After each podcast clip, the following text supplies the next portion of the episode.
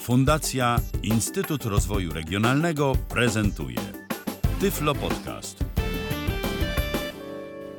Witam ponownie w moim podcaście. Dzisiaj zaprosiłem do niego Adama Pietrasiewicza, który pracuje w Wydziale Dostępności Cyfrowej w Kancelarii Prezesa Rady Ministrów. Adamie, powiedz coś o sobie. Coś o sobie, to bardzo trudno jest mówić coś o sobie, jak się ma prawie 65 lat i tyle wydarzeń w życiu było, że na cały ten podcast by wystarczyło mojej historii tego, żeby mówienia o sobie. No, jestem w Kancelarii Prezesa Rady Ministrów, yy, zajmuję się dostępnością cyfrową mniej więcej od 4 lat i jestem pierwszym specjalistą do spraw dostępności cyfrowej, który pojawił się w administracji centralnej w Polsce. Jestem jednym z autorów ustawy o dostępności cyfrowej. Powiedz w takim razie, skąd się w ogóle wziąłeś i w dostępności cyfrowej, a potem w tym wydziale, bo, mm, no bo to jednak nie jest tak, że to wszyscy się na takich rzeczach znają, a to też jest ciekawa historia. Czy ja wiem, czy to ciekawa historia? Właśnie ostatnio troszkę się zastanawiałem nad historią swojego całego życia i doszedłem do wniosku, że w zasadzie ogromna, większa część, większa, a nawet ogromna część mojego życia była wynikiem różnych, zlepka różnych przypadków. Rozmawiałem ostatnio z kolegą z pracy, który w wieku lat 20 chyba 8, bo tyle chyba ma, e, jasno już wie, co on będzie w życiu robił, czym się będzie zajmował a ja mam wrażenie, że nigdy nie miałem świadomości i jakoś pewności tego, czym się będę zajmował. I tak się złożyło, że ten zbiór przypadków doprowadził mnie do tego, że najpierw zająłem się dostępnością cyfrową, a następnie wylądowałem w administracji państwowej pod koniec swojego życia zawodowego. A wszystko się zaczęło tak naprawdę od tego, że swego czasu byłem programistą. Bardzo lubiłem programować, lubiłem, lubiłem robić różne rzeczy, które mogły być przydatne dla mnie czy dla większej liczby osób. I jedną z takich rzeczy, którą kiedyś budowałem, a było to prawie 25 lat temu, był program do obsługi poczty elektronicznej e-maili. Pewnie ci starsi słuchacze, którzy już wtedy, pod koniec lat 90., na początku lat 2000, posługiwali się internetem, pamiętają, że największą chyba zmorą no, ogromnej liczby internautów polskich, a jak się okazało, największą zmorą wszystkich internautów niewidomych wówczas były tak zwane krzaki w mailach, czyli źle kodowane, źle kodowane e, język e, znaczy wiadomości znaki, e-mail, znaki. znaki, znaki, źle kodowane znaki w wiadomościach e-mail, co prowadziło do tego, że o ile dla osoby widzącej było to okropnie irytujące, ale się dawało zazwyczaj dojść do tego, co tam jest napisane, no poza jakimiś wyjątkowymi sytuacjami, o tyle dla osób niewidomych, no to była w ogóle katastrofa zupełna. I ja postanowiłem zrobić program do obsługi maili, który zawsze, bez względu na to, w jaki sposób te znaki zostały przesłane, będzie je wyświetlał na ekranie w sposób czytelny.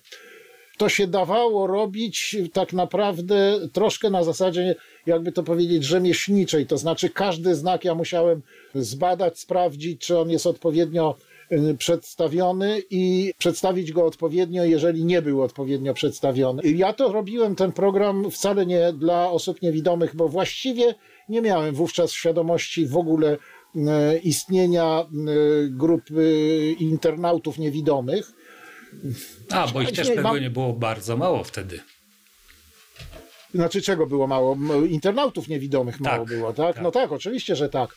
Natomiast ja w ogóle nie miałem właściwie nic wspólnego ze środowiskiem niewidomych wówczas. Tak usiłuję sobie przypomnieć, w jaki sposób ja tam trafiłem, bo ja w pewnym momencie albo się do mnie odezwał ktoś, albo ja znalazłem, nie wiem, absolutnie nie mam świadomości. W każdym razie nagle wszedłem wtedy, powiedzmy to był 2000 pierwszym, najpóźniej, no myślę 2001, może 2002 rok, wszedłem w kontakt z ze środowiskiem osób niewidomych, z listą, z listą dyskusyjną Tyflos, o ile pamiętam już wtedy. Z które cię kiedyś wyrzucili też.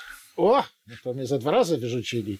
I tam z Kamilem, e, chyba mogę nazwiska podawać, nie? Bo to Chyba tak. tajemnicy wielkiej nie ma. Kamil Midzio, człowiek o no w ogóle anielskim, anielskiej cierpliwości, testował ze mną ten program krok po kroku, element po elemencie i szliśmy kompletnie po omacku, bo to wszystko, co on mi mówił, działa, nie działa, mogę to obsłużyć, nie mogę tego obsłużyć, trafiało do mnie kompletnego laika, nie wiedzącego nic. Człowieka, który nigdy w życiu czytnika ekranu na uszy nie słyszał. I muszę powiedzieć, że to było dość, e, dość trudne działanie, bo ja właściwie wszystko musiałem przebudować w tym programie, który, który zrobiłem, ale doprowadziłem go do jakiegoś takiego stanu, że choć on nie był w pełni absolutnie dostępny cyfrowo, to jednak Kamil mówił, że dawało się tym e, posługiwać. Potem z różnych względów niestety zostawiłem, zostawiłem ten temat, czego zresztą bardzo żałuję, bo ten program był bez fałszywej skromności naprawdę dobrym programem i miał funkcje, których nadal niektóre jeszcze programy mailowe w tej chwili nie mają, nawet te największe i najwspanialsze, ale to już jest zupełnie inna historia. Natomiast to był mój pierwszy kontakt w ogóle z dostępnością cyfrową. To znaczy, z, wtedy dowiedziałem się w ogóle, że coś takiego istnieje. To był ciąg y, serii przypadków, jak zwykle w moim życiu. Trafiłem do pracy na rok do Polskiego Związku Niewidomych, gdzie już y, no, o wiele bardziej byłem mm, e, bliżej kwestii związanych z dostępnością cyfrową, bo musiałem instalować czytniki ekranu, musiałem różne rzeczy robić wokół komputerów i osób niewidomych, mm, które się uczyły wtedy języka angielskiego w ramach jakiegoś unijnego projektu, a ja w ramach tego samego projektu tym osobom niewidomym zapewniałem komputery, linijki brajlowskie i takie rzeczy i tam już było troszkę, tam już było troszkę lepiej i poruszony od, okropnie w ogóle kwestiami dostępności cyfrowej. Pierwszy raz pamiętam, zajrzałem na strony WAI, e, przeczytałem cztery I zdania. Odkryłeś WCAG, tak? No nie, jeszcze nie było WCAG. Nie, nie. No nie, nie, przecież WCAG Nie. jest od 1999. Nie, znaczy nie w mojej, nie, nie, ale nie w moim, nie, w, mo- nie, było, nie, nie było dla mnie jeszcze. A, WCAG. okej. Ja czytam, nie. Ja przeczytałem, ja przeczytałem tam, nie wiem, może jedną stronkę czegoś okropnie przejęty. Następnie obejrzałem stronę swojej firmy, bo prowadziłem wtedy taką firmę swoją, nazywała się AM Soft. Popatrzyłem trochę na stronę, którą sam zrobiłem y, od A do Z tego mojego AM Softu. Stwierdziłem, że ona jest wspaniale na pewno dostępna, bo to na pewno jest dokładnie to wszystko, co tam jest napisane. I y, dziarsko przyczepiłem tam znaczek, że jest zgodne na poziomie potrójnego A, nie mając w ogóle zielonego pojęcia, co to w ogóle znaczy. A Boga kocham. A niektórzy rzeczy- nadal tak robią, wiesz? I, I wtedy mnie Jarek Stachowicz, ym, który ze mną współpracował i który był o wiele bardziej zorientowany w temacie, e, chociażby dlatego, że sam no miał, miał, on jest bardzo mocno słabowidzący, więc jakoś być może wcześniej ode mnie odkrył y, i znał. On napisał znaczy- pracę licencjacką na ten temat. a widzisz, no właśnie, pewnie dlatego. I on mnie okropnie mnie obfukał, pamiętam wtedy. I także ten mój znaczek z potrójnym A to wisiał może ze dwa dni na mojej stronie. Ale on mnie, on mnie strasznie wtedy obfukał, że ja sobie nie robił, że ja sobie żarty robię z, z naprawdę poważnych rzeczy, że ja muszę zrozumieć, że to nie jest od tak by stryknięcie palcem. I on był pierwszą osobą, która w ogóle mi zasygnalizowała istnienie kwestii dostępności cyfrowej, co spowodowało, że potem jak już trafiłem do integracji, gdzie byłem znowu dyrektorem informatyki w integracji przez, przez e, jakiś rok i akurat to było w czasie, kiedy oni przygotowywali nową wersję portalu niepełnosprawni.pl, no to jakoś zacząłem przebąkiwać wówczas, że wydawa- wypadałoby, żeby integracja miała dostępną stronę internetową. Moja wiadomość na ten temat, nie, znaczy moje, moje przebąkiwanie niewiele dało. E, Niewiele z tego wynikło i nowa strona, która wówczas powstała, to był rok e, 2007. Nowa strona, która wówczas powstała, y, no nie miała nic wspólnego tak no, koło tego wcaga, to ona nawet nigdy nie stała prawdopodobnie, ale już ten temat był poruszony i wówczas już Piotr Pawłowski, prezes integracji, już wspominał, że następnym razem jak będziemy to robili, to będziemy się musieli temu jakoś bardziej przyjrzeć, bo to rzeczywiście chyba jednak coś trzeba o tym pomyśleć. I to był mój tak naprawdę 15-16 lat temu pierwszy, pierwszy kontakt e, z dostępnością cyfrową jako taką. Potem, e, potem e, moje życie się potoczyło troszkę innymi torami i w końcu w 2011 roku trafiłem do projektu, do projektu, który prowadzonego przez integrację i PFRON, polegającego na tym, że mieliśmy badać strony 300 polskich instytucji e, publicznych pod kątem dostępności cyfrowej i wtedy integracja sprowadziła z Wielkiej Brytanii specjalistkę do spraw e, dostępności cyfrowej. Odbyła ona z nami trzydniowy, trzydniowy taki kurs, dość no taki w dużym tempie bym powiedział tego, na, jakie są zasady dostępności cyfrowej. Naszym szefem był Dominik Paszkiewicz, który już miał jak na ówczesne czasy bardzo zaawansowaną wiedzę w tematyce dostępności cyfrowej. No i zaczęliśmy robić audyty i tak naprawdę dopiero w, w ramach e, tej serii audytów w 2011 roku dowiedziałem się, na czym to polega, co to jest, a przede wszystkim dlatego, że myśmy mieli e, testerów e, z niepełnosprawnościami i to z bardzo różnymi niepełnosprawnościami, bo rzeczywiście tych testerów było tam niezła gromadka. I muszę powiedzieć, że to było duże dla mnie przeżycie. Y, no i bardzo ciekawe, bym powiedział. To takie, o jak człowiek odkrywa zupełnie nieznane mu mm, zakamarki świata życia, to jest to coś bardzo, bardzo ciekawego i takiego miałem wrażenie, że naprawdę robię, robię rzeczy ważne, istotne interesujące. Mam wrażenie, że to było to była jedna z ciekawszych prac, jakie miałem, choć na pewno nie najciekawsza. Najciekawsze, najciekawszą moją w życiu i najlepszą pracą było, jak byłem nauczycielem w liceum, ale to już historia na zupełnie osobne opowiadanie. Ale to była jedna z ciekawszych prac, właśnie ze względu na to, że spotkałem tak e, duży wachlarz ludzi z tak różnymi niepełnosprawnościami i z takimi problemami, których zupełnie nigdy nie podejrzewałem, a z drugiej strony zobaczyłem, że y, szereg tych problemów można złagodzić, ominąć albo je całkowicie zniwelować. Y, I to, to jakoś mi się spodobało. To znaczy, że jeżeli jest jakiś problem i jest jakaś, jakaś, jakieś rozwiązanie tego problemu, to to jest fajna taka rzecz, bo człowiek nie jest całkowicie bezradny, a to jak z tego co wiem, to wszyscy faceci tak mają, że najbardziej faceci nie lubią bezradności, no i ja właśnie jestem takim zupełnie standardowym facetem, nienawidzę bezradności i, bez, i dostępność cyfrowa mi daje takie poczucie, że, że choć jest problem, to jednak da się y, y, coś z tym problemem Poczucie zrobić. kontroli. No poczucie kontroli, tak, no tak, no ale to jest dość naturalne chyba, chyba w takim męskim podejściu do świata, mam wrażenie. No i co? I potem to już się samo po, po, po, potoczyło. Potem razem z Mateuszem Ciborowskim, z którym robiliśmy wspólnie e, te audyty, założyliśmy spółdzielnię socjalną, e, która raz lepiej, raz gorzej, ale dała nam żyć przez, e, nie wiem, 6 lat wspólnie, 7, już nie wiem ile to było lat. I, i tak naprawdę właściwie tylko z tego żyliśmy skromnie. Ja nie ukrywam, że, że to, nie były, to nie były jakieś kokosy, które, które myśmy zarabiali, ale zarabialiśmy wystarczająco, żeby mieć co do garnka włożyć.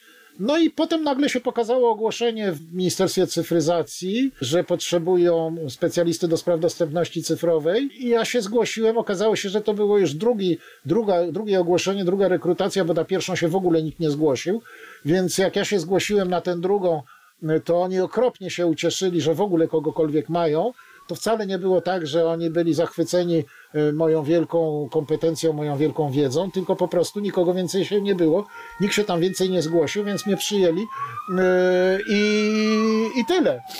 No, ja pamiętam to ogłoszenie, bo ja na przykład się tam nie zgłosiłem, bo tam chcieli mieć prawnika, albo programistę. Ja nie byłem ani jednym, ani drugim, więc. No ja poszedłem na. Ja poszedłem tak po prostu, bo stwierdziłem, że rzeczywiście jednak, jednak się potrzebuję troszkę stabilizacji pod koniec mojego życia zawodowego. Ja przypomnę, nie wiem, bo to ja nie wiem, czy powiedziałem, już zdaje się powiedziałem, mam 64 lata, więc y, to już naprawdę jest końcówka mojego życia zawodowego. No i ja pod koniec tego mojego życia zawodowego potrzebowałem odrobiny stabilizacji, a że zawsze byłem chyba po prostu bardziej bezczelny od ciebie, Jacku, to, y, to zwyczajnie zobaczyłem, że do spraw dostępności cyfrowej, no to polazłem. Oni rzeczywiście mi zadawali pytania dotyczące prawa, na które nie potrafiłem odpowiedzieć za bardzo dobrze oraz mnie kazali mi rozmawiać ze sobą po angielsku, który to język e, jest ci obcy. Jest mi obcy. No nie, to znaczy ja rozumiem angielski, z tym akurat nie mam problemu, nawet jak jestem w stanie brać udział w różnych spotkaniach, e, ale tylko do momentu, kiedy mi nikt nie każe nic mówić. Ale po prostu, a, a zostałem przyjęty tak naprawdę ze względu, przede wszystkim ze względu na to, że nie było nikogo innego i nie robię sobie co do tego żadnych złudzeń. Ale właściwie natychmiast zorientowałem się, że to było dokładnie to, co mi się bardzo podobało że mm, zabrałem się za pracę w, przy mm, ustawie y, o dostępności cyfrowej stron internetowych i aplikacji mobilnych podmiotów publicznych, która to wdrażała unijną dyrektywę i po prostu musiała powstać. I ta robota mi się spodobała i muszę powiedzieć, że mm, tak najbardziej z tej całej pracy to pamiętam taki moment, kiedy prezydent w 2019 roku podpisał tę ustawę i poszliśmy się, wszyscy, wszyscy, którzy pracowaliśmy nad tą ustawą, poszliśmy się radośnie upić do, do, do, do któregoś wieczora do knajpy. I ja naprawdę miałem e, wrażenie, że dokonałem czegoś znaczącego w życiu. To znaczy, wziąłem udział w czymś, co Mm, spowodowało, że świat e, stał się odrobinkę lepszy.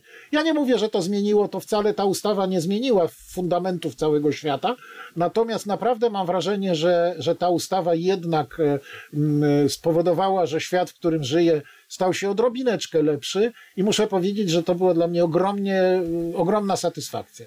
Także y, mam z tego rzeczywiście... To takie poczucie sprawczości, tak? Że, tak, poczucie sprawczości. Też tak. domknąłeś, tak? Jak to się chyba w korporacjach mówi, dowiozłeś temat, tak?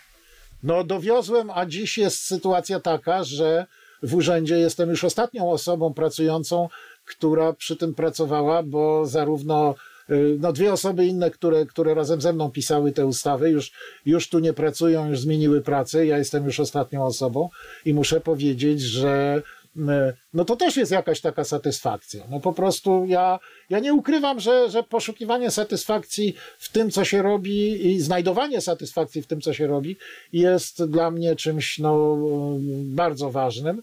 I ta sprawczość, o której powiedziałeś, ta sprawczość, szczególnie bym powiedział teraz, jak e, Ministerstwo Cyfryzacji zostało wessane przez Kancelarię Prezesa Rady Ministrów, e, to w przypadku, gdy się kontaktuje z różnymi podmiotami publicznymi, gdy doradzam, gdy wyjaśniam, gdy e, czasami zwracam uwagę na jakieś błędy, to, to również fakt, że ja dzwonię i ja jestem panem Adamem Pietrasiewiczem z Kancelarii Prezesa Rady Ministrów, powoduje, że ludzie mnie słuchają i, i nawet sam fakt, skąd ja dzwonię, jest, jest istotny, to też daje mi jakąś satysfakcję i wcale się tego nie wstydzę, E, a to szczególnie dlatego, że mam naprawdę cały czas wrażenie, że robię rzeczy, które gdzieś komuś w jakiejś wymiarze naprawdę mogą być przydatne i nie, nie jest to nadużywanie, powiedzmy, jakichś przepisów prawa dla jakichś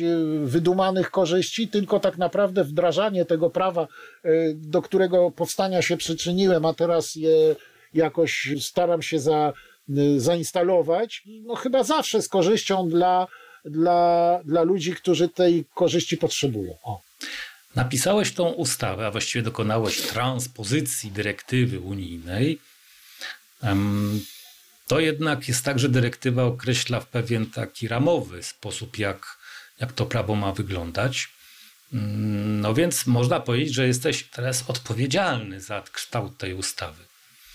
No to co? Czy ta ustawa działa, czy nie działa? Albo czy mogłaby działać lepiej, albo czy działa na tyle dobrze, że nie ma sensu poprawiać? O, No więc to, czy mogłaby działać lepiej? No to odpowiedź jest tak. Oczywiście nie ma chyba żadnego prawa, które nie mogłoby działać lepiej. Jesteśmy cały czas na początku drogi. To jest chyba główna odpowiedź, którą mogę, mogę tutaj dać. Ustawa nie jest doskonała. To już wiemy. Jest przygotowana w tej chwili nowelizacja tej ustawy E, która w którymś momencie, mam nadzieję, wejdzie w życie, bo musi, musi wejść w życie i nowelizacja e, nowelizacja koryguje te, między innymi koryguje te sprawy, które, które się okazały nie do końca, nie do końca działać tak, jak sobie spodziewaliśmy się tego. Ze smutkiem muszę stwierdzić, że na przykład e, coś, co ja osobiście sam przy pisaniu tej ustawy wymyśliłem, jako, mm, jak mi się wówczas wydawało, taki hamulec zapewniający na pewność zapewnienia dostępności cyfrowej we wszystkich sytuacjach, to znaczy wyznaczenie pewnego zakresu elementów, które muszą być bezwzględnie zawsze dostępne cyfrowo, nawet jeśli z różnych przyczyn podmiot publiczny nie, nie zapewnia tej dostępności y, reszty elementów. E, no więc ten, ten zestaw tych elementów, które zawsze muszą być dostępne, w nowelizacji zostaje usunięty ze względu na to, że to w ogóle nie działało, zupełnie nie spełniało pokładanych nadziei, w, czyli ten przepis znika, bo nie, nie spełniał pokładanych w nim nadziei. I to był przepis, który sam osobiście wymyśliłem, którego nie było w samej dyrektywie i udało mi się go wprowadzić, bo byłem przekonany, że będzie działał no okazało się, że to jednak nie działa. Ustawa będzie poprawiona, musi być poprawiona również ze względów językowych, ze względu na to, że załącznik do ustawy jest odpowiednikiem WCAG 2.1 e, napisany zanim powstało tłumaczenie e, na język polski, oficjalne tłumaczenie, a teraz zasadniczo w związku z WCAG 2.2 no w zasadzie powinno być jeszcze raz zmienione i dzisiaj ten temat jeszcze raz w pracy poruszałem z moimi przełożonymi z kolegami, że jednak coś będzie trzeba zrobić. Być może uda nam się e, ze względu na wstrzymanie, na chwilowe wstrzymanie nowelizacji ustawy, być może nam się uda jednak doprowadzić do tego, żeby, żeby włączyć również WCAG e, nowe kryteria sukcesu z WCAG 2.2, żeby włączyć również do załącznika. Zobaczymy, no tak, jak to bo będzie zrobione. Przedwczoraj WCAG 2.2 dostało taką rangę ostatecznego draftu. To znaczy, że lada chwila będzie zupełnie oficjalnym dokumentem. No ja wiem o tym, ja wiem o tym, tylko mam problem taki, że nasza ustawa, nasza nowelizacja jest już po wszystkich konsultacjach, e, ustaleniach i tak dalej. To jest taki bardzo zły moment na wprowadzanie e, dodatkowych e, zmian, ale być może, być może jakoś to by się udało zrobić. To temat, temat w tej chwili ja uruchomiłem u nas w biurze, które to z jednego, jednoosobowego stanowiska do spraw dostępności cyfrowej, które ja objąłem w 2018 roku, przerodziło się w ciągu czterech lat w ile? 6-7 osobowy wydział dostępności cyfrowej, Wydział najpierw powstał pod Twoim dowództwem, Jacku, i to był ogromny postęp, jak nas było trzech w naszym wydziale. W tej chwili wydział y, to jest sześć osób plus y, naczelnik, czyli to już nieomalże y, nieomal jakby się uprzeć, to i departament można by było z tego zrobić. Także temat, temat urósł. Robimy, robimy o wiele więcej rzeczy niż robiliśmy kiedyś. Czy robimy je lepiej, nie wiem, ale widać, że roboty ciągle jest naprawdę bardzo dużo w, tej, w tym temacie i prawdopodobnie jeszcze długo, długo będzie, właśnie również ze względu na to, że nic nie jest w tej sprawie jeszcze doskonałe. Ale na pewno jest lepiej niż było. I na pewno jest lepiej niż było, jak ja w ogóle tematem się o temacie usłyszałem 25 lat temu i, i 20 lat temu, czy 16 lat temu, jak pierwszy raz e, umieściłem znaczek potrójnego A na swojej własnej stronie internetowej, czego się nawet nie wstydzę, śmieję się z tego, ale, ale przez to również przeszedłem. No to jak oceniasz dostępność tego, mm, no, publicznego internetu, tych, tych stron internetowych administracji publicznej? No mam pewno, pewien przegląd, bo to jest, y, ja zacząłem tak naprawdę je przeglądać już okiem takim bardziej oświeconym 11 lat temu. Nie no, różnica jest, jest, jest gigantyczna. Na, na lepsze oczywiście, na dobre. Różnica jest gigantyczna zarówno w stanie samych stron internetowych, to po pierwsze, ale różnica jest przede wszystkim, co najważniejsze, gigantyczna w podejściu do kwestii dostępności wśród urzędników. To znaczy, tych 11 lat temu ludzie w ogóle nie wiedzieli o co chodzi. Jak myśmy się jakoś kontaktowali z tymi urzędami, których strony internetowe badaliśmy, to ci urzędnicy, ci ludzie byli tak zdumieni, ale o czym pan do mnie w ogóle rozmawia? Pytali, o co chodzi, w ogóle nie wiemy. Niewidomi, jak mogą niewidomi z komputera korzystać? No to były takie czasy 11 lat temu. Teraz jest sytuacja taka, w której urzędnicy, którzy nigdy się w ogóle tą tematyką nie zajmowali, y, już właściwie wszyscy słyszeli, że istnieje coś takiego jak WCAG. Oczywiście bardzo często interpretują to na swój własny sposób, ale przynajmniej mają świadomość tego, że coś jest do zrobienia, że coś można zrobić. I to ja uważam za największy, za największy krok do przodu. No chociaż rzeczywiście no, jest jeszcze mnóstwo do zrobienia, ale tak się składa, że troszeczkę troszeczkę mam kontaktów jakichś takich gdzieś na zewnątrz z różnymi y, ludźmi z innych państw, z Francji przede wszystkim. I muszę powiedzieć, że wcale nie mam wrażenia, żeby oni tam, będąc no, troszkę dalej od nas, bo oni wcześniej u siebie w administracji tymi sprawami się już zajęli i jakieś 8 lat wychodzi na to, że to było, oni mają nad nami przewagę. I wcale nie jest to o tak bardzo, bardzo dalej do przodu przed nami są. Oczywiście są do, przodu przed nami pod kątem szkolenia specjalistów do spraw dostępności cyfrowej. O ile w Polsce to jest kilkadziesiąt osób, o tyle we Francji to już jest kilkaset osób co najmniej. Wiesz czyli, co? Mm. No, no, ja myślę, że jednak kilkadziesiąt osób to było. Natomiast jak ja widzę teraz y, te, te liczne szkolenia i licznych ekspertów do spraw dostępności, no to myślę, że raczej też już jest, są ich setki. Ja sądzę, że to, no tak, tylko problem polega na tym, że y, nawet jeżeli to są ludzie przeszkoleni, to nie jest powiedziane, że oni się tym zajmują, a tym się niestety trzeba zajmować cały czas, albo się wypada z obiegu.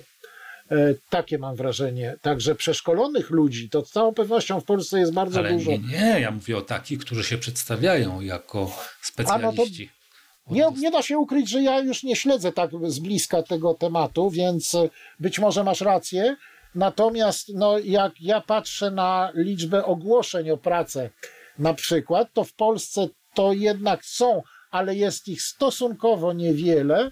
Natomiast jak na przykład wrzuci się specjalista do spraw e, dostępności cyfrowej na francuski, e, e, we francuskiej wyszukiwarce, to jednak dość dużo poszukują. Masz taki ogląd tego, tych dostępności tych stron internetowych, bo robicie przez cały czas monitoring. Mógłbyś też powiedzieć trochę o tym, jak to robicie, jakich narzędzi używacie do tego?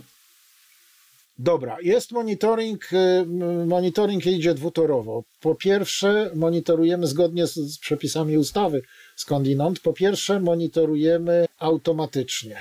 E, mamy automat, który jest ciągle w fazie wdrażania, niestety, ale on dość dobrze działa. Mamy automat, który przeczesuje bazę stron internetowych polskich podmiotów publicznych. Mamy taką bazę. Ta baza liczy 93 tysiące stron internetowych, co zresztą jest dość zaskakujące, bo wszystko wskazuje na to, że tych stron jest co najmniej trzy razy tyle, ale mm, ta baza jest cały czas mniej więcej na tym poziomie i znikąd nie napływają do nas informacje, żeby masowo brakowało wpisów stron internetowych. I mamy automat, który przeczesuje te strony internetowe, przegląda je i wyszukuje te błędy dostępności cyfrowej, które, które można wykryć automatycznie. I muszę powiedzieć, że robi to no, dość skutecznie. Pokazuje, że błędów jest bardzo dużo. Problem polega oczywiście na tym, że stwierdzenie samego błędu mm, dostępności cyfrowej w rozumieniu niezgodności z WCAG nie oznacza w żaden sposób pewności co do tego, że strona jest niedostępna, że faktycznie jest to jakaś bariera. Jest po prostu stwierdzenie tego, że no jest błąd po prostu. No to wiemy tak, jest błąd mhm. dostępności e, cyfrowej. Badania automatem y, pozwalają nam stwierdzić, że jest błąd dostępności cyfrowej, nie pozwalają nam stwierdzić, że y, jest realny, prawdziwy problem dostępności cyfrowej strony internetowej. Bo jak wiadomo, to jedno nie, nie równa się bezpośrednio drugiemu. O, e... muszę ci powiedzieć, że są tacy, którzy tak właśnie uważają. No ja byłem kimś takim długi czas, ale coraz bardziej skłaniam się, bo to twoja jest e, filozofia i ja przechodzę bardziej na, na, na, na, na twoją stronę, choć z całą pewnością bardziej niż ty jestem przekonany, że błędy dostępności cyfrowej jednak wpływają w ogromnym stopniu na, na, na, na pojęcie w ogóle samej dostępności cyfrowej, ale no to jest chyba osobny temat do dyskusji. W każdym razie no, y, mamy tego świadomość, że to jest no, niedoskonałe narzędzie, za pomocą którego możemy tylko stwierdzić, że tych błędów jest dość dużo. Y, niedoskonałość tego narzędzia wynika również z tego, że dobór podstron, które są badane w takim, w takim automatycznym badaniu, jest no, do pewnego stopnia do pewnego stopnia y, przypadkowy, w związku z czym zbadanie strony, na którą nikt od pięciu lat nigdy nie wszedł i która przypadkiem wyszła w tym badaniu i znalezienie tam nawet bardzo poważnych problemów dostępności cyfrowej wcale nie musi świadczyć o tym, że cały serwis internetowy, który był badany, y, ma poważne problemy dostępności cyfrowej, bo może wręcz wcale ich nie mieć. Więc to jest no, niedoskonałe narzędzie, ale no troszkę pokazujące jednak, to jak dużo jeszcze pozostaje do zrobienia. No, automat również wykryje e, obecność lub nieobecność deklaracji dostępności. O, właśnie, właśnie. No, nieszczęsnych no. deklaracji dostępności, których nie udało się doprowadzić do tego, czym one powinny być. To uważam, to jest wielka moja, znaczy moja, no uważam, że nie udało mi się przekonać i chyba się nie uda nigdy. Jakoś niestety tego się obawiam, przekonać urzędników do tego, że deklaracja dostępności przede wszystkim ma służyć osobom, osobom z niepełnosprawnościami, żeby mogły być przygotowane na to, co je czeka na stronie internetowej, a nie, że mają być tylko e, wypełnieniem obowiązku ustawowego. Obawiam się, że tego się nie da zrobić. Deklaracje dostępności w jakimś takim przekonaniu twórców e, stron internetowych są przede wszystkim e, wypełnieniem obowiązku ustawowego.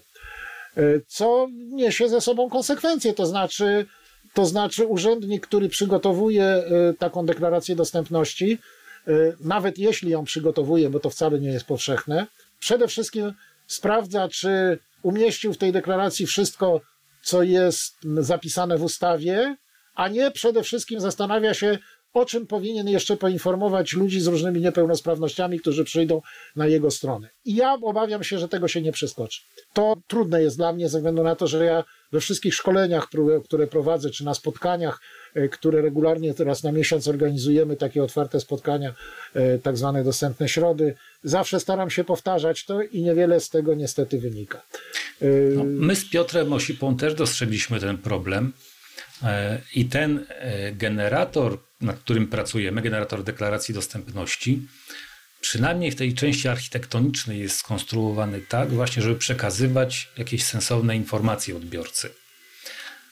Natomiast rzeczywiście, jeżeli chodzi o tą cyfrową, to muszę ci powiedzieć, że spotykamy tam takie bzdury, e, bo no, tak. mamy taką bazę i regularny przegląd tego, no, na przykład tam, gdzie jest że ocen, samoocena stron, dostępności strony internetowej i wskazany jest walidator, no, co jeszcze się może jakby przydarzyć, ale walidator deklaracji dostępności, to znaczy narzędzie, które tylko sprawdza samą deklarację, nawet nie, nie stronę internetową. No tak, tak.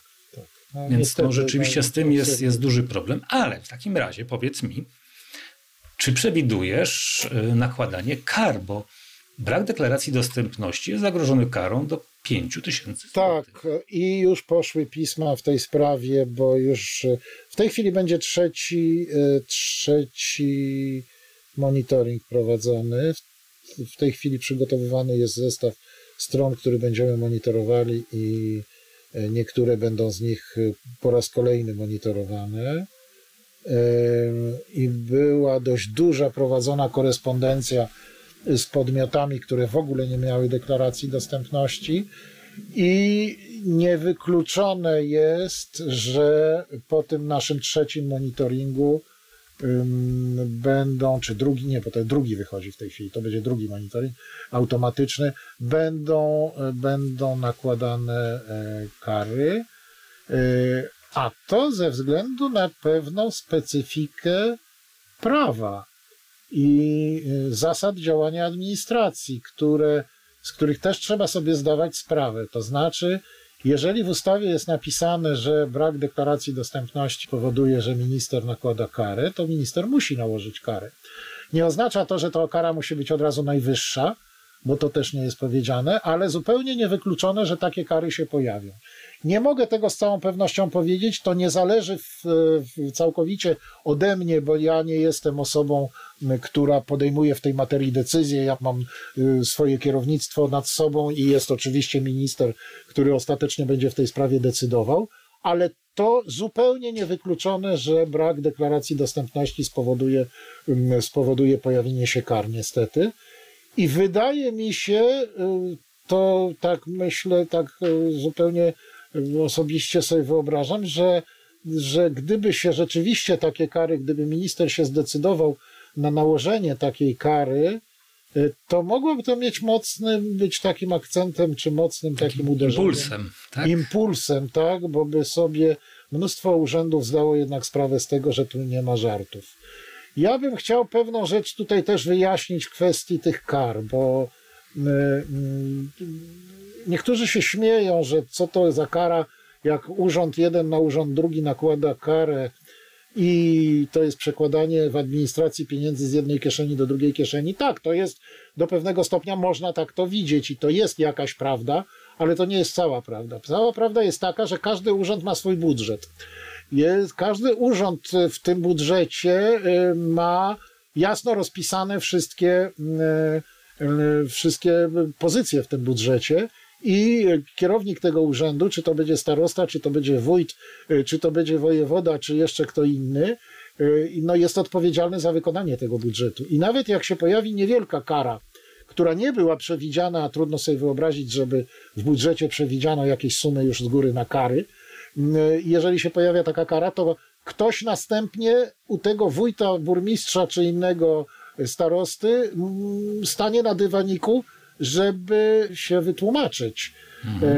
I samo to może już być pewnym sposobem nacisku na to, żeby jednak być zgodnym, przynajmniej być zgodnym z ustawą, jeśli, jeśli nie więcej. No ja uważam, że, że tak jak już wspominałem w kwestiach deklaracji dostępności, niestety sama zgodność z ustawą nie wystarczy. E, no, potrzeba jednak czegoś więcej i o to więcej to będzie walka trwała jeszcze latami. A propos deklaracji dostępności, e, jakiś czas temu mm, rozmawiałem ze znajomym na temat deklaracji dostępności właśnie e, i zapytałem go, czy on tam zagląda. On mówi, że nie. I wiesz, co mi powiedział? E, że jego nie interesują jakieś deklaracje czy oświadczenia. On tam niczego się nie spodziewa. Ale gdyby tam było napisane dostępność, to on by kliknął. Myślałeś o tym, że mogą, że te, tego typu problemy mogą y, istnieć? Tak.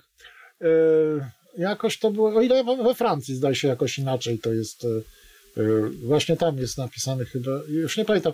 Tak, wydaje mi się, że to jest bardzo, znaczy ostatnio nie, nie, nie myślałem o tym, ale rzeczywiście być może, gdyby było napisane dostępność, to by było lepiej. Mam wrażenie, że jest jakieś w tej chwili jakoś tak niejasno w głowie, musiałbym posprawdzić w internecie. Wiem, że Francuzi to jakoś rozwiązali troszeczkę inaczej. Tam nie jest napisane deklaracja dostępności na dole strony, tylko jest jakoś inaczej napisane, ale to ciekawa uwaga. Ja sobie ją zapamiętam e, i, i jakoś w którymś momencie, być może, jeżeli będę miał jeszcze możliwość e, działania w tym kierunku, to jakoś tę sprawę jeszcze obgadamy z kolegami w wydziale. Tak, to jest ciekawa, ciekawa uwaga. Natomiast no, ja się jednak obawiam, że właśnie to zapewnianie zgodności z ustawą, a nie e, tworzenie deklaracji pod potrzeby ludzi z niepełnosprawnościami, może niestety doprowadzić do tego, że nawet ci, którzy, e, którzy mogliby z tego korzystać, nie, nie skorzystają ze względu na to, że po prostu nie znajdują tam tego, co powinni znaleźć. To jest niepokojące dla mnie.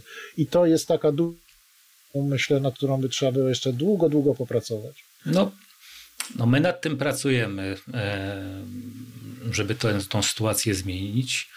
Czy z efektami? Nie umiem powiedzieć jeszcze, ale, ale pracujemy i wiem, że to jest długa jeszcze droga. Mm, no i tak zastanawiam się też w tym momencie, czy presja społeczna tutaj nie miałaby znaczenia, bo ta ustawa jest skonstruowana tak, że to nie ty pilnujesz tej dostępności, tylko ludzie, jak znajdą coś niedostępnego, z czym się nie mogą zapoznać, skorzystać, to oni się zwracają do tego podmiotu, który jest, właści- e, który jest posiadaczem tej strony internetowej. I jakby no. cały proces rozgrywa się między nimi. A wy jako Kancelaria Prezesa Rady Ministrów tak naprawdę nawet o tym nie musicie wiedzieć.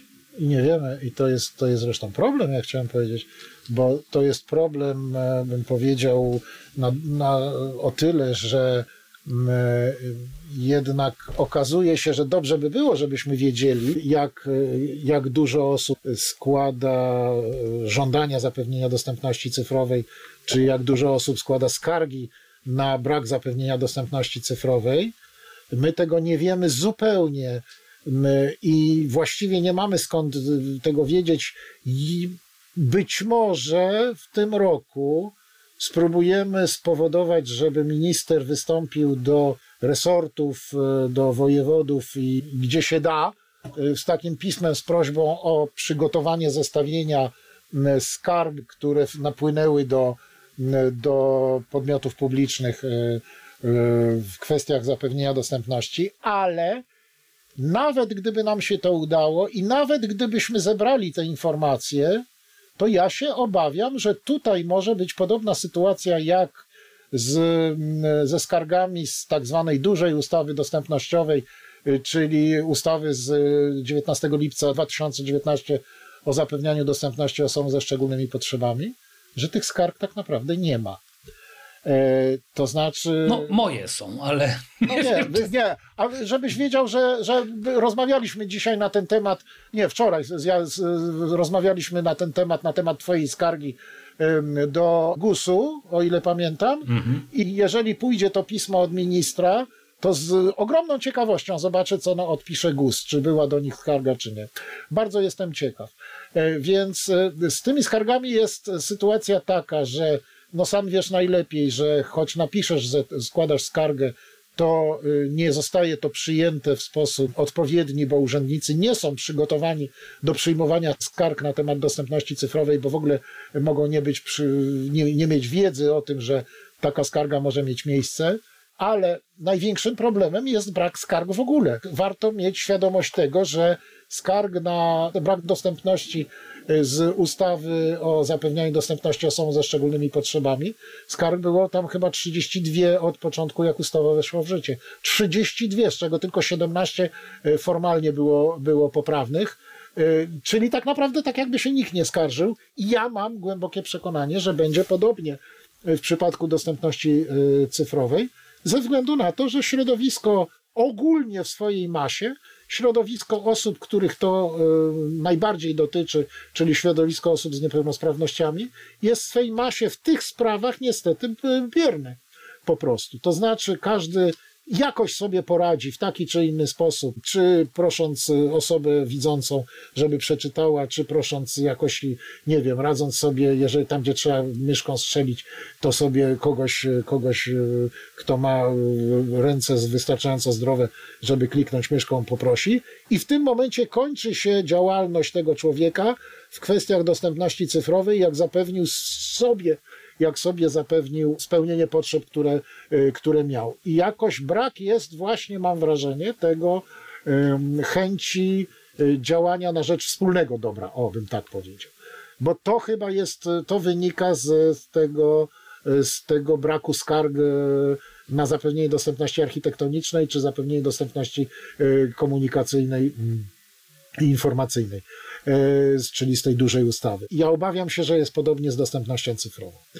No to chyba trzeba zmobilizować w takim razie trochę tak. Wiesz ludzi. co, ale zmobilizować ludzi z niepełnosprawnościami to y, różne instytucje, fundacje, stowarzyszenia próbują od dziesiątków lat w tej chwili. I, i efekty są no, takie, jakie są. To znaczy, dopóki, my, dopóki się coś daje, to, to oczywiście zaangażowanie jest, a, do, a w momencie, kiedy trzeba coś y, od ludzi jakby skłonić ich do tego, żeby działali, to niestety, to niestety jakoś to, to nie działa za dobrze. To, to jest taka smutna konstatacja. Obaj jesteśmy osobami z niepełnosprawnościami, więc tym bardziej wiemy, jak to, jak to, jak to funkcjonuje. O tym się za bardzo chyba nie mówi, ale te mechanizmy, które powstały, te mechanizmy skargowe, one są prawidłowe ale chyba wychodzą z nieprawidłowego założenia, że ludzie, których te ustawy dotyczą, mówię o, o obu ustawach w tej chwili, mają chęć działania na, dla wspólnego dobra, a chyba tak do końca nie jest. No to jest e, smutna konstatacja, e, ale pewnie, pewnie jest rzeczywiście, rzeczywiście jest prawdziwa. Chociaż, tak jak mówię, ani ty nie wiesz, ani ja nie wiem, czy dużo było tych żądań, czy dużo było skarg. E, no bo ja wiem o swoich, albo ewentualnie takie, o jakich się dowiedziałem gdzieś tam przypadkiem. Może wcale nie jest tak bardzo źle, także jestem nawet ciekaw. No, zrobimy. Zrobimy, spróbujemy, spróbujemy poprosić ministra, żeby, żeby, żeby podpisał takie pismo i puścimy je w świat. E, reakcje, no jednak my piszemy z Kancelarii Prezesa Rady Ministrów, to jest właśnie, e, to jest też daje pewną satysfakcję to, że jednak urzędy reagują. To nie jest tak, jak pisze jakaś fundacja, którą można kompletnie zlekceważyć w urzędzie i nawet nie odpisać, e, albo odpisać na zasadzie e, dziękujemy, przyjrzymy się sprawie. Tutaj, jak pisze minister, to jest, e, to jest i a list wychodzi z Kancelarii Prezesa Rady Ministrów, to bardziej urzędy zwracają na to uwagę, więc liczymy na to, że odpowiedzi będą. Y, ja sobie specjalnie złudzeń robić nie chcę y, i nie widzę powodu, dla którego akurat w, dostępności cyfrowej miałoby być y, znaczące, znacząco więcej skarg niż skarg na dostępność architektoniczną czy informacyjno-komunikacyjną. E, no ale może będzie, no zobaczymy. Nie wiem, ciekaw jestem. Sądzę, że tak do, do połowy przyszłego roku powinniśmy wiedzieć, e, powinniśmy zebrać te informacje. My musimy te informacje też zebrać ze względu na to, że musimy raportować sprawy e, do Komisji Europejskiej, w związku z czym, mhm. w związku z czym rzeczywiście my te informacje musimy, musimy jakoś zbierać. To jeszcze powiem a propos tych żądań i skarg że spotkałem się z takim i to był Główny Urząd Nadzoru Budowlanego. E, chyba to było tak, że do końca czerwca oni musieli pozbierać dane na temat e, tego, czym się e, ogrzewa dom. Nie wiem, czy pamiętasz taką akcję. No. I był taki elektroniczny formularz. On był fatalny po prostu. Aha. Więc, no, tak jak mówisz dokładnie, jakoś tam sobie z nim poradziłem, ale wysłałem żądanie zapewnienia dostępności. E, to było dosłownie 2 czy 3 dni przed końcem terminu, więc wiedziałem, że to i tak niewiele ma sensu, ale mimo to wysłałem. Odpowiedź dostałem e, w tym, w tym tygodniu chyba, e, no. czyli po, muszę policzyć, dwóch miesiącach, a no. powinni zro zrobić, nie odpowiedzieć, tylko zrobić w ciągu dni. 7 dni. No tak. Właśnie, no tak. Na dokładkę ja w tej odpowiedzi czytam bardzo dziękuję za zgłoszenie. No tak. No i ja w tym momencie dostałem lekkiej furii. Napisałem, że to nie było żadne zgłoszenie, tylko żądanie zapewnienia, dostępności, a skoro przekroczyli terminy, to ja będę składał skargę. Ale to oznacza, że nawet urzędy na poziomie centralnym e, no, nie ogarniają tego. Ja mam na to. Taka jest, słuchajcie, RODO jest, jest RODO i jest nasza ustawa nie wiem, co powoduje, że RODO zostało wdrożone tak, że wszyscy w panice już y, zapewniali wszystko, co tam w tym, w tym, tym rozporządzeniu było y, y, do zapewnienia, a nasza ustawa jakoś była lekceważona. Nie potrafię powiedzieć, ale no, faktycznie są prawa, które są bardziej popularne, są prawa, które są mniej popularne. I ja jestem przekonany, że jakbyś napisał skargę związaną z RODO, to by się w tym urzędzie zrobiła straszna panika, a jak piszesz skargę czy żądanie zapewnienia dostępności, to jest to, no tak właśnie się to dzieje z tym, jak, jak, jak się zadziało. Nie dziwi mnie to i świadczy to o tym, że urzędy, choć wiedzą o tym, że trzeba zapewniać dostępność cyfrową, bo na, na akurat tym urzędzie budowlanym, czy to główny, czy naczelny urząd. Główny, jakoś, główny, GUNDB. Oni na pewno tam o tym wiedzą. E, co do tego raczej nie mam żadnych wątpliwości. Natomiast e, już tego, że jest jakaś procedura składania żądań zapewnienia dostępności i skarg, prawdopodobnie nikt tego odpowiednich urzędników po prostu nawet nie poinformował. Oczywiście że to powinno się odbywać tak, że, że oni powinni jednak zajrzeć do ustawy. Mam nadzieję, że jak pisałeś, to się powołałeś na artykuł 18 Oczywiście. ustawy i tak dalej. Wskazałeś podstawę prawną, y, y, więc teoretycznie oni powinni byli tam zajrzeć. Nie zajrzeli zapewne, w związku z czym ci odpowiedzieli tak, jak, y, tak jak ci odpowiedzieli. Natomiast no, zaskakujące jest to, że RODO na przykład, z RODO by nie było takiego problemu. A wiesz, dlaczego jest różnica? No. Dlatego, że za naruszenia RODO są nakładane kary i to czasami naprawdę bardzo grube. A do tej pory jeszcze nikt nie spotkał kary za. E... No więc może te kary za, za brak do deklaracji dostępności spowodują obudzenie się, jeżeli takie kary będą, będą nałożone. Ja tutaj w tej sprawie absolutnie nie mogę powiedzieć, że będą albo że nie będą ze względu na to, że, że to zupełnie nie ja decyduję. Zobaczymy, jak będzie, czy będą nałożone kary. Ja sądzę, że nawet kary jakieś minimalne, a mogłyby mieć piorunujące y, działanie na, na urzędy, gdyby się wszyscy dowiedzieli, gdyby napisano o tym w, w gazetach. Ja przypomnę tylko, że jak ogłosiliśmy nasz y, pierwsze wyniki automatycznego badania dostępności cyfrowej, Rzecznik Praw Obywatelskich się odniósł do tego, to się jednak zrobiło trochę zamieszania w mediach na temat e, dostępności cyfrowej stron i, i tego, e, dlaczego one nie są dostępne. E, I to muszę powiedzieć, wiem, że zrobiło dość duże wrażenie w kręgach już najwyższej władzy, bym powiedział. W związku z czym mam nadzieję, że gdyby, gdyby takie kary się pojawiły, to być może by to troszkę poprawiło sprawę. No ale tu żadnej pewności mieć nie mogę.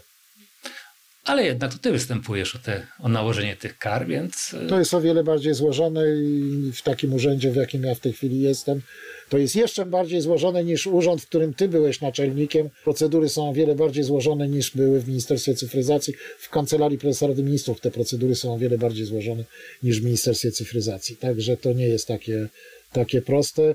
Ja po prostu nie mam, nie mogę powiedzieć, że, że jasno wiem, że na pewno będą jakieś kary, ale nie, jest to temat, o którym się rozmawia. Tak, jest to temat, o którym jest mowa. Także, także i ja osobiście wydaje mi się, że parę takich kar mogłoby mieć, y, no, być mocnym uderzeniem w tej, w tej dziedzinie. Czy na koniec y, chciałbyś może zaprosić na te dostępne środy, które organizujecie? Teraz wakacje no Wakacje mieliśmy przerwę, teraz następna będzie we wrześniu. Pod, to jest ostatnia środa miesiąca, czyli to wychodzi, że to 28 września i potem kolejne ostatnie środy w każdym miesiącu są dostępnymi środami, czyli od godziny 12 do 13.30 y, cały nasz zespół y, Wydziału Dostępności Cyfrowej jest do dyspozycji wszystkich tak naprawdę no, zasadniczo to są głównie przychodzą tam osoby z różnych urzędów i tylko osoby zainteresowane kwestiami dostępności cyfrowej, ale jeżeli ktoś z Twoich słuchaczy, nie będący pracownikiem jakiegoś urzędu, a zainteresowany kwestiami dostępności cyfrowej chciałby tam przyjść, posłuchać czy zadać nam jakieś pytania, to my jesteśmy oczywiście do dyspozycji na stronach poświęconych dostępności cyfrowej, na rządowym portalu gov.pl.